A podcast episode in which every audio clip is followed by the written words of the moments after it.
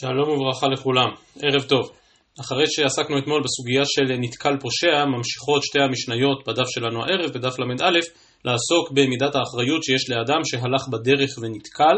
כפי שהרחבנו בסוגיה הקודמת, אה, במצבים כאלה אפשר לדון מדיני אדם המזיק, אלא שאז החיוב יצטרך להיות מאוד מאוד נרחב, או לחילופין להבין שבמצבים מסוימים נוצרה כאן איזושהי תקלה ברשות הרבים, אבל צריך לדון את התקלה הזאת מדיני בור ולא מדיני אדם המזיק.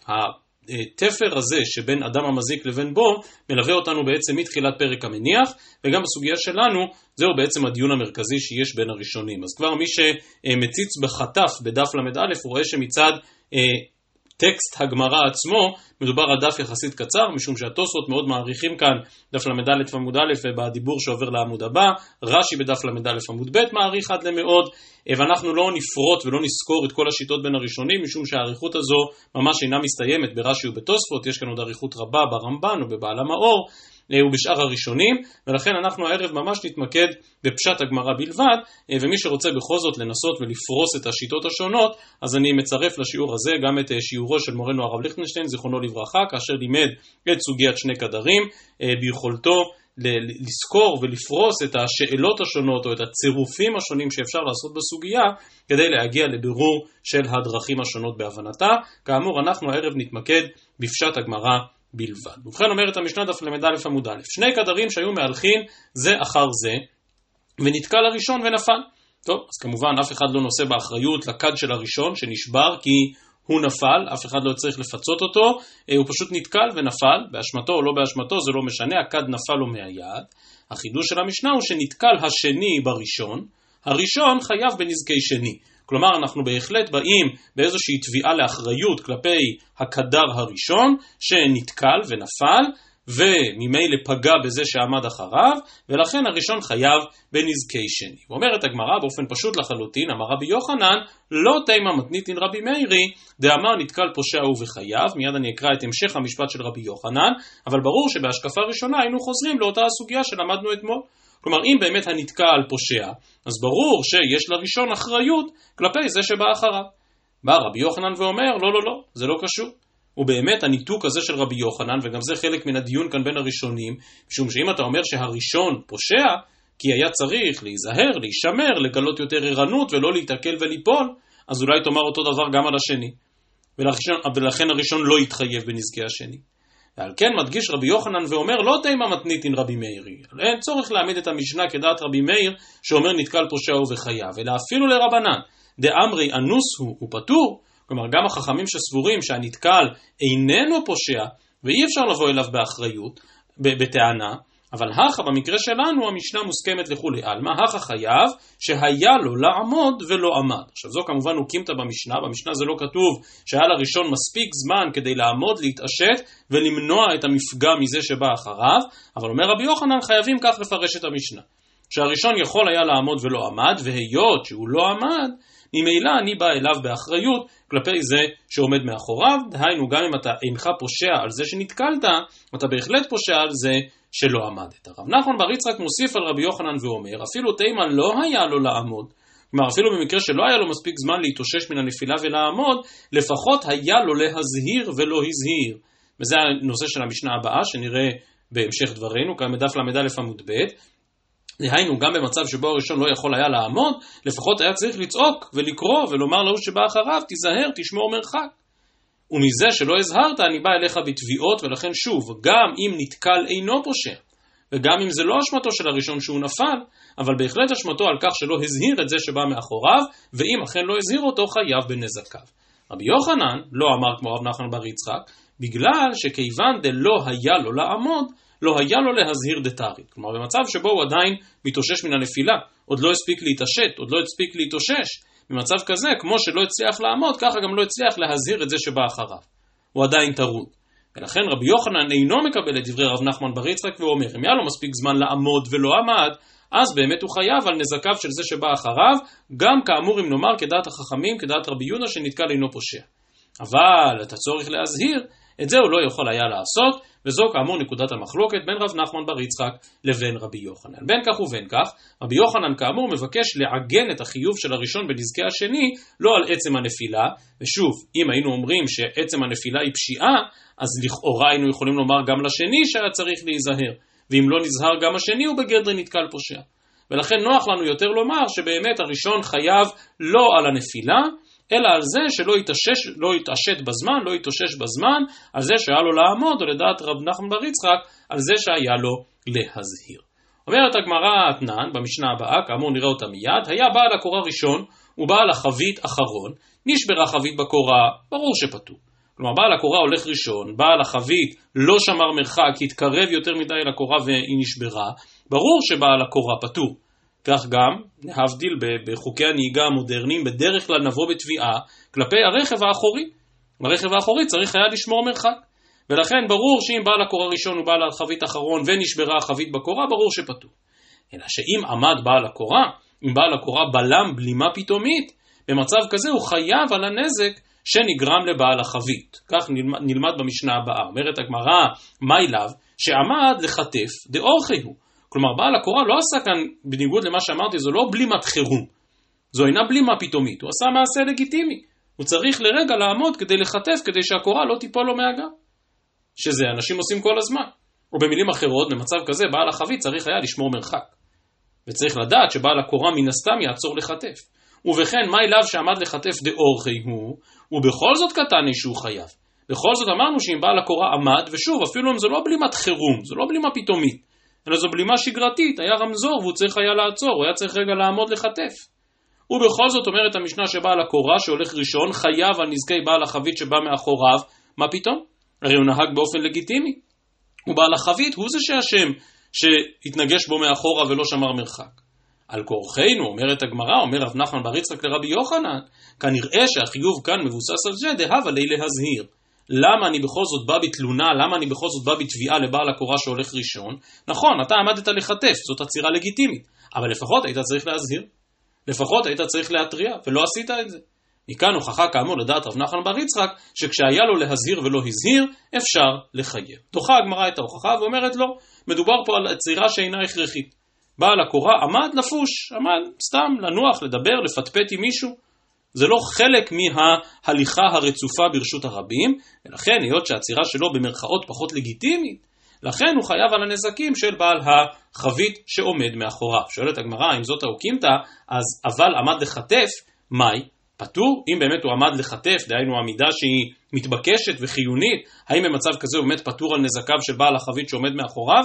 אם ככה, עדתן לסיפא, לסיומה של אותה משנה, ואם אמר לו לבעל החבית עמוד פטור, כלומר הנה המשנה עצמה מדברת על הצורך להזהיר, אבל אם כדבריך שיש לחלק בין עמד לפוש לבין עמד לחטף, אז לפלוג וליתנה בדידה שהמשנה תזכיר את זה בפירוש, דהיינו, שבמה דברים אמורים, שבאמת בעל החבית חייב, שבעל הקורה סליחה חייב בנזקי בעל החבית, כשעמד לפוש, אבל אם הוא עמד לחטף, אז הנה חינמי שהוא פטור, אבל המשנה לא אמרה את זה. המשנה לכאורה מחייבת תמיד את בעל הקורה שעמד, אלא אם כן באמת הזהיר כהלכה. עונה הגמרא, זה בדיוק מה שכתוב במשנה, הקמשמע לן, דאף על גב דעמד לפוש, שוב, אותה עמידה שהגדרנו כעמידה פחות לגיטימית, הוא לא צריך היה לעצור באמצע הכביש כדי לפוש, ובכל זאת, הגם שעמד באופן לא לגיטימי, אבל אם הוא אמר לו לבעל החבית עמוד, אם הוא צעק לו, תיזהר, תעצור, עדיין במצב כזה בעל הקורה אכן פטור, וזה מה שהמשנה רצתה להדגיש, ואם כן בכל זאת ייתכן שאפשר להביא הוכחה מכאן שיש חשיבות גם לאמירה.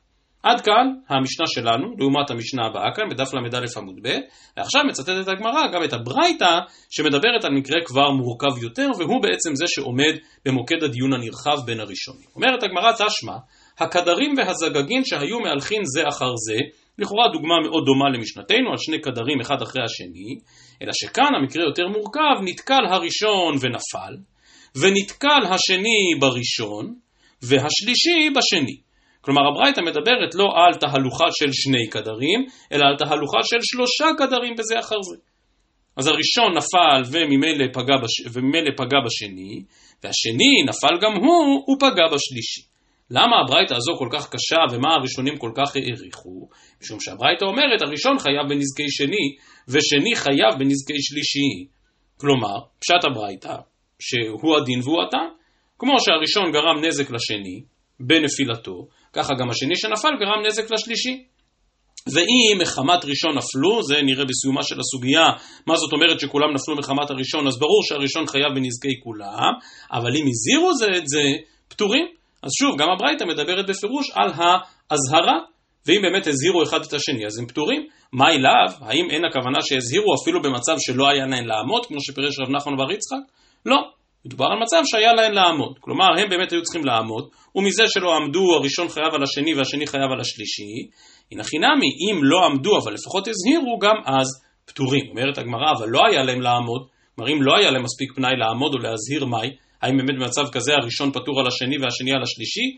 אי הכי עד איתן לסיפא, אם הזהירו זה את זה פטור, לפלוג ולהתנה בדידה. שוב, תאמר את הדברים בפירוש, במה דברים אמורים שהיה להם לעמוד, אבל לא היה להם לעמוד פטורים. עונה הגמרא אותה תשובה כמו שראינו מקודם, מה כמשמע לן, דאף על גב דהיה להם לעמוד, כי הזהירו זה את זה פטורים. כמו שהסברנו מקודם, גם במקרה שיכול היה לעמוד, וממילא צריך לעמוד, ואם הוא לא עמד הוא נחשב כמזיק, עדיין אם הזהירו זה את זה, אכן פטורים. כמו שאמרתי, עיקר הדיון בין הראשונים קשור דווקא למקרה של הברייתא המורכב יותר, שיש בו שלושה שותפים, שלושה קדרים ולא רק שניים, וזה לאור דבריו של רבא בפירושה של, בפירוש הברייתא. כותב רבא, אמר רבא, ראשון חייב בנזקי שני, מה שכתוב בברייתא שהראשון חייב על השני, כוונה בין בנזקי גופו, בין בנזקי ממונו. לעומת זאת, שני חייב בנזקי שלישי, בנזקי גופו, אבל לא בנזקי ממונו, ועוד לפני שנראה את כל השקלא וטריא, רק נראה את צמד המילים, ממה נפשך. כלומר, רבא באמת סבור שיש לחלק בין הנזק שהראשון גרם לשני ובין הנזק שהשני גרם לשלישי, והגמרא מיד תקשה על רבא ותשאל ממה נפשך, מה ההבדל? מה ההבדל? אם נאמר שיש אחריות למי שנתקל ברשות הרבים, אז כמו שלראשון יש אחריות על כך שהוא נתקל כלפי השני, כך לשני יש אחריות על כך שהוא נתקל כלפי השלישי. אז מה פתאום רב הסבור שהיקף החיוב של הראשון גדול יותר מהיקף החיוב של השני? עכשיו מעבר לשאלה הזאת, שאלה, השאלה מסברה שהגמרא מיד תשיב עליה, שאלת הממה נפשך, באמת גם המילים כאן סובלות שני פירושים, שכן רבא אומר ראשון חייב בנזקי שני בין בנזקי גופו בין בנזקי ממונו של מי? האם הכוונה שהראשון, גופו של הראשון פגע או בגופו של השני או בממונו של השני, והחידוש הוא שחייב גם על זה וגם על זה, או שנזקי גופו ונזקי ממונו, הכוונה נזקי גופו ונזקי ממונו של הראשון. כלומר, יש לחלק בנזק שנגרם מגופו של הראשון, שפה לפחות יש סברה, כמו שאמרנו בפתח הדברים, לומר שבעצם מדובר על נזקי אדם, כי סוף כל סוף גופו של הראשון הזיק, לבין נזקים שנגרמו מממונו של הראשון, מן הכד שהיה בידיו ועכשיו התנפץ, והכד הזה, עליו כבר צריך לחייב מדין בור. אלא אם כן נקבל את כל המהלכים שכבר הזכרנו אתמול, שאולי יש מצבים מסוימים שאפשר לחייב מדין אש, כמו שהציע הרמב"ן. אבל בטח ובטח שלא מדובר על אדם המזיק. וכאמור, מוקד הדיון כאן בין הראשונים קשור א' להבנה מה בין האחריות של הראשון לבין האחריות של השני, וב' כאשר אנחנו מדברים על נזקי גופו ונזקי ממונו, כוונה נזקי גופו ונזקי ממונו של מי? האם הראשון, ואז אנחנו מחלקים בין גופו של הראשון לבין ממונו של הראשון, או נזקי גופו ונזקי ממונו של השני. אנחנו אומרים שהראשון בעצם נחשב לא כאדם המזיק אלא כסוג של בור, ואם הוא נחשב כבור, אז הנזקים שהוא גרם לשני בגופו הוא אכן חייב, כי בור שגרם נזק לאדם חייב, ולעומת זאת אם גופו של הראשון גרם נזק לממונו של השני, לקדו של השני, אז הוא פטור כי בבור אין חיוב על הכלים. ואם כן, שוב, אני יודע שמה שאמרתי עכשיו קצת מבלבל, ולכן כאמור הוספתי גם את אותו שיעור של הרב ליכטנשטיין, מי שרוצה ממש לעקוב אחרי השיטות בין הראשונים, אבל זה בעצם הסבך בסוגיה. אני חוזר שוב, א', באמת, מה סברת רבא ממה נפשך, כמו שהגמרא מיד תאמר, מה בין הראשון לבין השני? והשאלה אם כאשר אנחנו מדברים על נזקי גופו ונזקי ממונו, הכוונה שאנחנו מחלקים לגבי הראשון, לגבי הנופל עצמו, בין נזק שגופו גרם, שזה אדם המזיק, לבין נזק שממונו גרם, שזה רק בור, או שבכל מקרה מדובר על נזק שנגרם מגופו, השאלה האם מדובר על נזק שנגרם לגופו של השני, כי בבור חייבים על נזקי אדם, או על נזק שנגרם לממונו של השני, ובבור לא חייבים על נזקי ממון, בבור לא חייבים על נזקי כלים. אז אני קורא שוב, אמר רבא, ראשון חייב בנזקי שני, בין בנזקי גופו, בין בנזקי ממונו. שני חייב בנזקי שלישי, בנזקי גופו, אבל לא בנזקי ממונו. וכאמור השאלה המתבקשת, ממה נפשך? אם נתקל פושע הוא, אם תאמר שלראשון יש מידה מסוימת של אשמה על זה שהוא נפל, אז שני נמי לחייב, אז השני גם כן פושע על זה שהוא נפל. ואם נתקל לאו פושע הוא, אם אני מוריד אחריות מן הראשון שנפל, אז אפילו הראשון נמי לי פטר, אז גם את הראשון אני אמור לפתור במידה זו או אחרת מן האחריות. עונה הגמרא, דף ל"א עמוד ב', ראשון ודאי פושע הוא. שני, הגופו מחייב דהבה לו לעמוד ולא עמד, הממונו פטור, דאמר לי, היי בירא, לאו אנא כריתי. או במילים אחרות, במילים פשוטות, ודאי שיש הבדל בין חיוב האחריות של הראשון לבין חיוב האחריות של השני. ובלשון רש"י כאן דף ל"א עמוד ב', ראשון ודאי פושע הוא דמי נפשי נפל, היא לקח גופו הווה כמזיק, ועממונו הווה לקורא בור ומחייב מי הגופו דשני. או במילים אחרות, הראשון מנפשי נפל, הראשון יותר אשם, כי לא היה שום דבר שהפילו אותו. רגליו הן שהכשילו אותו, ולכן הוא חייב. ממילא חייב גם על נזקים שגופו גורם, וגם אם נזקים ייגרמו כתוצאה מממונו, כתוצאה מן הכד השבור של הראשון, זה עדיין בור שהוא עצמו קרא, שהוא עצמו חפר בנפילתו ובאשמתו. לעומת זאת, השני יבוא ויאמר, נכון, גם השני אנחנו באים אליו בתלונה מסוימת שהיה לו לעמוד ולא עמד והוא חייב על נזקי גופו, אבל על הממון, כלומר על הכד של השני, בא השני ואומר, על זה אני פטור, כי את הבור הזה, את הכד המנופץ שלי ברשות הרבים, לאו אנא כריתי. את הבור הזה לא אני כריתי, אלא הראשון שנפל לפניי. ולכן, יהא איך שיהא אותו ממה נפשך, סוף כל סוף יש הבדל ברמת האחריות בין הראשון לשני, וזה בדיוק מה שרבא רוצה לומר. והראשון אשם יותר מן השני, ושוב, יש לחלק בין מי שנפל מעצמו, לבין מי שחברו הפילו. בהמשך דבריו של רש"י, כאן בדף ל"א עמוד ב', אומר רש"י, שהשני שנפל באמת אשם פחות, ועדיין הגופו מהמחייב כמזיק בידיים שהיה לו לעמוד ולא עמד. וגם זה ביטוי חשוב שהרב ליכטנשטיין מתעכב עליו שם באותו שיעור, לראות את השני ממש כמזיק בידיים, כי נזקים שנגרמו כתוצאה מגופו של אדם, סוף כל סוף הווה אדם המזיק, והוא חייב על זה באופן רחב, גם אם הוא לא לגמרי אשם. כי אדם הוא עד לעולם. אבל כאמור, נזקים שנגרמו כתוצאה מכדו של השני, שהתנפץ ברשות הרבים, בא השני ואומר, את הבור הזה לא אני חפרתי. ולכן אין לי אחריות על הדבר הזה. ממשיכה הגמרא ואומרת מי טבעי, כולן חייבים על נזקי גופן, ופטורין על נזקי ממונן. כלומר, רבא רוצה לעשות חילוק בין נזקי הגוף לבין נזקי הממון, בין הגוף שהוא אדם המזיק לבין הממון שהוא בור, או לחילופין בין נזקי הגוף, הכוונה בין הגוף שניזוק, שעל זה חייבים בנזקי בור, לבין הממון שניזוק, שעל זה לא חייבים בנזקי בור. אבל בין כך ובין כך כתוב בברייתא בפירוש שכולם חייבים על נזקי גופן ופטורים על נזקי ממונן, ואין לחלק בין הראשון לשני כמו שאמר רבא. מה אליו, כשכתוב כאן בברייתא שכולם חייבים, הכוונה שאפילו הראשון פטור על נזקי ממונן? לא, אומרת הגמרא, לבר מהראשון. הראשון חייב גם וגם, כמו שהסברנו, כי הוא אשם יותר. שואלת הגמרא, והכולם קטני. אמר רבא דברה הווה, כולן הכוונה כל הניזקין. כלומר, מהשני והלאה, כל מי שניזוק, אפשר לבוא בתלונה על נזקי גופו, כי סוף כל סוף גופו הזיק, אבל לא על נזקי ממונו. אומרת הגמרא, היי מאי. היא אמרת בישלמה אפילו ראשון, שגם הראשון חייב על נזקי גופו ולא על נזקי ממונו, היינו דקתני כולם. אז אני מבין את הצורך להשתמש בלשון כוללנית. אלא היא אמרת לבר מראשון, אם תאמר שהראשון חייב גם על גופו וגם על ממונו, אז מהי כולן?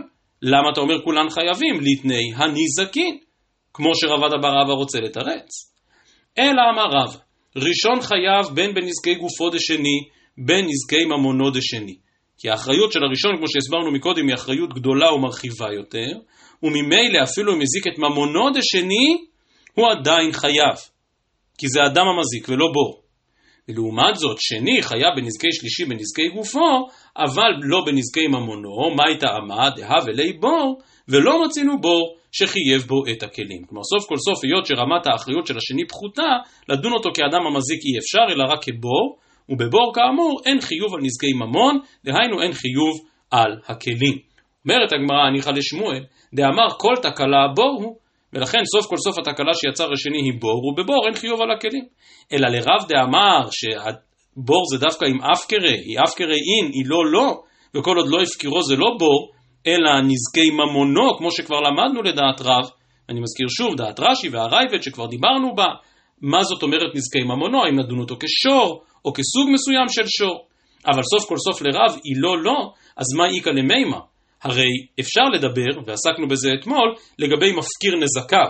אבל אם אדם נפל וגופו עכשיו גורם נזק, אדם לא יכול להפקיר את עצמו. ולכן לפי רב, שכל הדיבור על בור הוא רק עם אפקרי, כאן בסוגיה שלנו ודאי לא אפקרי. אז לפי שמואל עוד אפשר איכשהו לומר, שאפילו אותו אדם שני שנפל, אני מחשיב אותו כבור, כי כל תקלה בור הוא. אבל לפי רב שהכל הולך על אפקרי או לא אפקרי, אדם לא יכול להפקיר את עצמו. ולכן איך נסביר את זה לפי רב? אומרת הגמרא לעולם כדאמר מעיקר. ודקשיא לך, הברייתא שאומרת כולן חייבים, תרגמה רב עדה בר מניו מקמי דרבינה, שהוזקו כלים בכלים. כלומר, הגם שתרחיב עד למאוד את אחריותו של הראשון, ברור שאם הכד של הראשון נפל, ואז שברי הכד הראשון איכשהו הזיקו את הכד של השני, פה זה ודאי בור. כלומר, הכד של הראשון שנשבר, הוא ודאי יהיה מדין בור, ולא מדין אדם המזיק. ובבור אין חיוב על הכלים. ולכן אם הכד של הראשון יזיק את הכד של השני, עוד פעם, הכד של הראשון, כאשר הוא כבר מנופץ, הוא מופקר ברשות הרבים, יגרום נזק לכד של השני, פה זה ודאי נזקי כלים בבור, ועל דבר כזה ודאי וודאי שאי אפשר לחייב.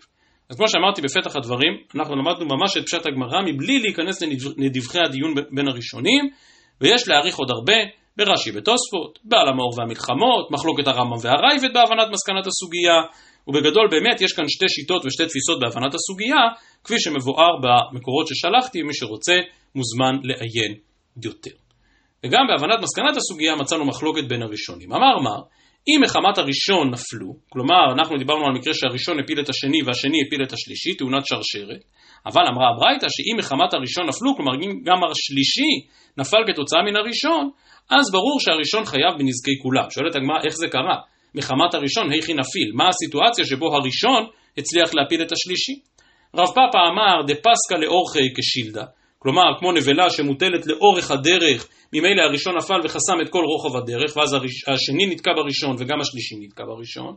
רב סביד אמר כחוטרא דסמיותא, כמו מקלו של העיוור, כמו מקל הנחייה, שוב שהמקל עומד לרוחב הדרך, ואז הראשון פגע גם בשני וגם בשלישי. נחלקו הראשונים, האם יש מחלוקת בין רב פאפא לבין רב זביד.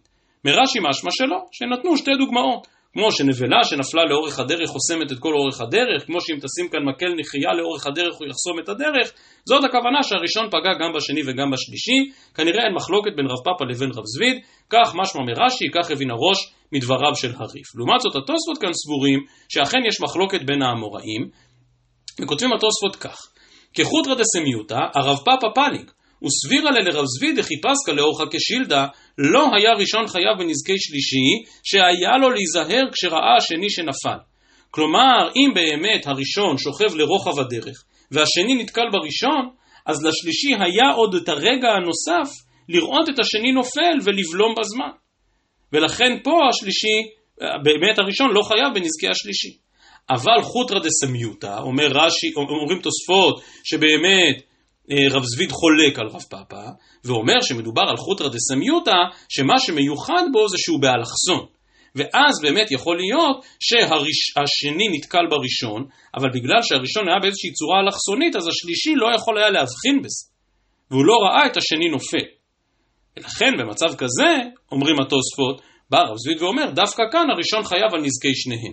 אבל אילו הראשון באמת היה שוכב לגמרי לרוחב, אז ברגע שהשני נתקל בו, היינו מציפים שלפחות השלישי ילמד מן הניסיון של קודמו ולא ייתקל בו. אז, אז אם כן, כאמור, לפי התוספות, אכן יש מחלוקת בין שתי הדעות, והמחלוקת הזאת בין רש"י והריף בהבנת הגמרא לבין התוספות, משתקפת גם במחלוקת בין המחבר לרמה בסוף סימן תי"ג חושן משפט, סימן קצר של שלושה סעיפים, שבעצם מסכם את כל הדיון בסוגיה שלנו של שני קדרים, ושם באמת נחלקו המחבר והרמה בשאלה הזו, האם הראשון חייב על נזקי שניהם בין שהוא שוכב לרוחב, או שאולי הראשון חייב על נזקי שניהם, דווקא אם הוא שוכב באלכסון, כמו שמסבירים התוספות, כמו שמביא הטור בשם הראש, וכמו שפוסק שם גם הרמב"ם. אז אנחנו נמשיך ונראה גם את המשנה הבאה, כי בעצם כבר ראינו אותה עכשיו, תוך כדי השקלא וטריא בסוגיה, ואת הדיון כאן בדף ל"ב כבר נראה מחר. אומרת המשנה דף ל"א עמוד ב', זה בא בחביתו וזה בא בקורתו, כלומר כאן לא מדובר שהם נושאים זה אחרי זה, אלא באים אחד מול השני, נשברה כדו של זה בקורתו של זה פטור, שלזה רשות להלך ולזה רשות להלך. והדיון שנראה מחר בעזרת השם קשור בדיוק לנקודה הזאת של רשות, דהיינו שכאשר לשני האנשים באותה מידה יש רשות להלך ברשות הרבים, אז מצופה משניהם להיזהר באותה מידה. ולכן אם משהו לא היה מכוון היטב ב... מערכת היחסים הזאת שבין החבית לבין הקורה, בעל הקורה אכן פטור. לעומת זאת, כמו שראינו מקודם, היה בעל הקורה ראשון ובעל החבית אחרון, אז אם באמת נשברה חבית בקורה, פטור בעל הקורה. כלומר, ברור שבעל החבית שנמצא מאחורה הוא אשם כי הוא לא שמר מרחק. אבל אם עמד בעל הקורה, דף ל"ב עמוד א', אם עמד בעל הקורה, הוא זה שחייב, ואם אמר לבעל החבית עמוד, פטור, כמו שהסברנו מקודם בהרחבה. היה בעל החבית ראשון ובעל הקורה האחרון, ונשברה החבית בקורה, טוב, כאן ברור שבעל הקורה חייב. ברור שהרכב שבא מאחורה ולא שמר מרחק והתנגש ברכב שלפניו, ברור שבעל הקורה האחרון חייב. לעומת זאת, אם עמד בעל החבית, אם בעל החבית הוא זה שעצר עצירה פתאומית ובעל הקורה לא יכול היה לבלום, אז בעל, בעל הקורה פטור, למרות שהוא הרכב האחורי. ואם אמר לבעל הקורה עמוד, חייב, וכן זה, זה בא בנרו וזה בא בפשתנו, כלומר גם כאן אותה הלכה עצמה, שהיות שלשניהם יש רשות להלך, אז אם באו זה מול זה הוא פטור, לעומת זאת אם הולכים זה אחרי זה, אז תלוי בשאלה האם היה לו מספיק זמן לעצור, או לא היה לו מספיק זמן לעצור. כאמור, סוגיית הגמרא כאן, שמתחילה מנושא קצת שונה, המזיק את אשתו בתשמיש המיטה, והולכת ונמשכת אל המשנה הבאה, כאשר שניים מהלכים או אפילו רצים ברשות הרבים, הסוגיות הללו, שנראה בעזרת השם מחר, מחדדות ומבהירות מילה אחת במשנה שלנו, והיא המילה רשות.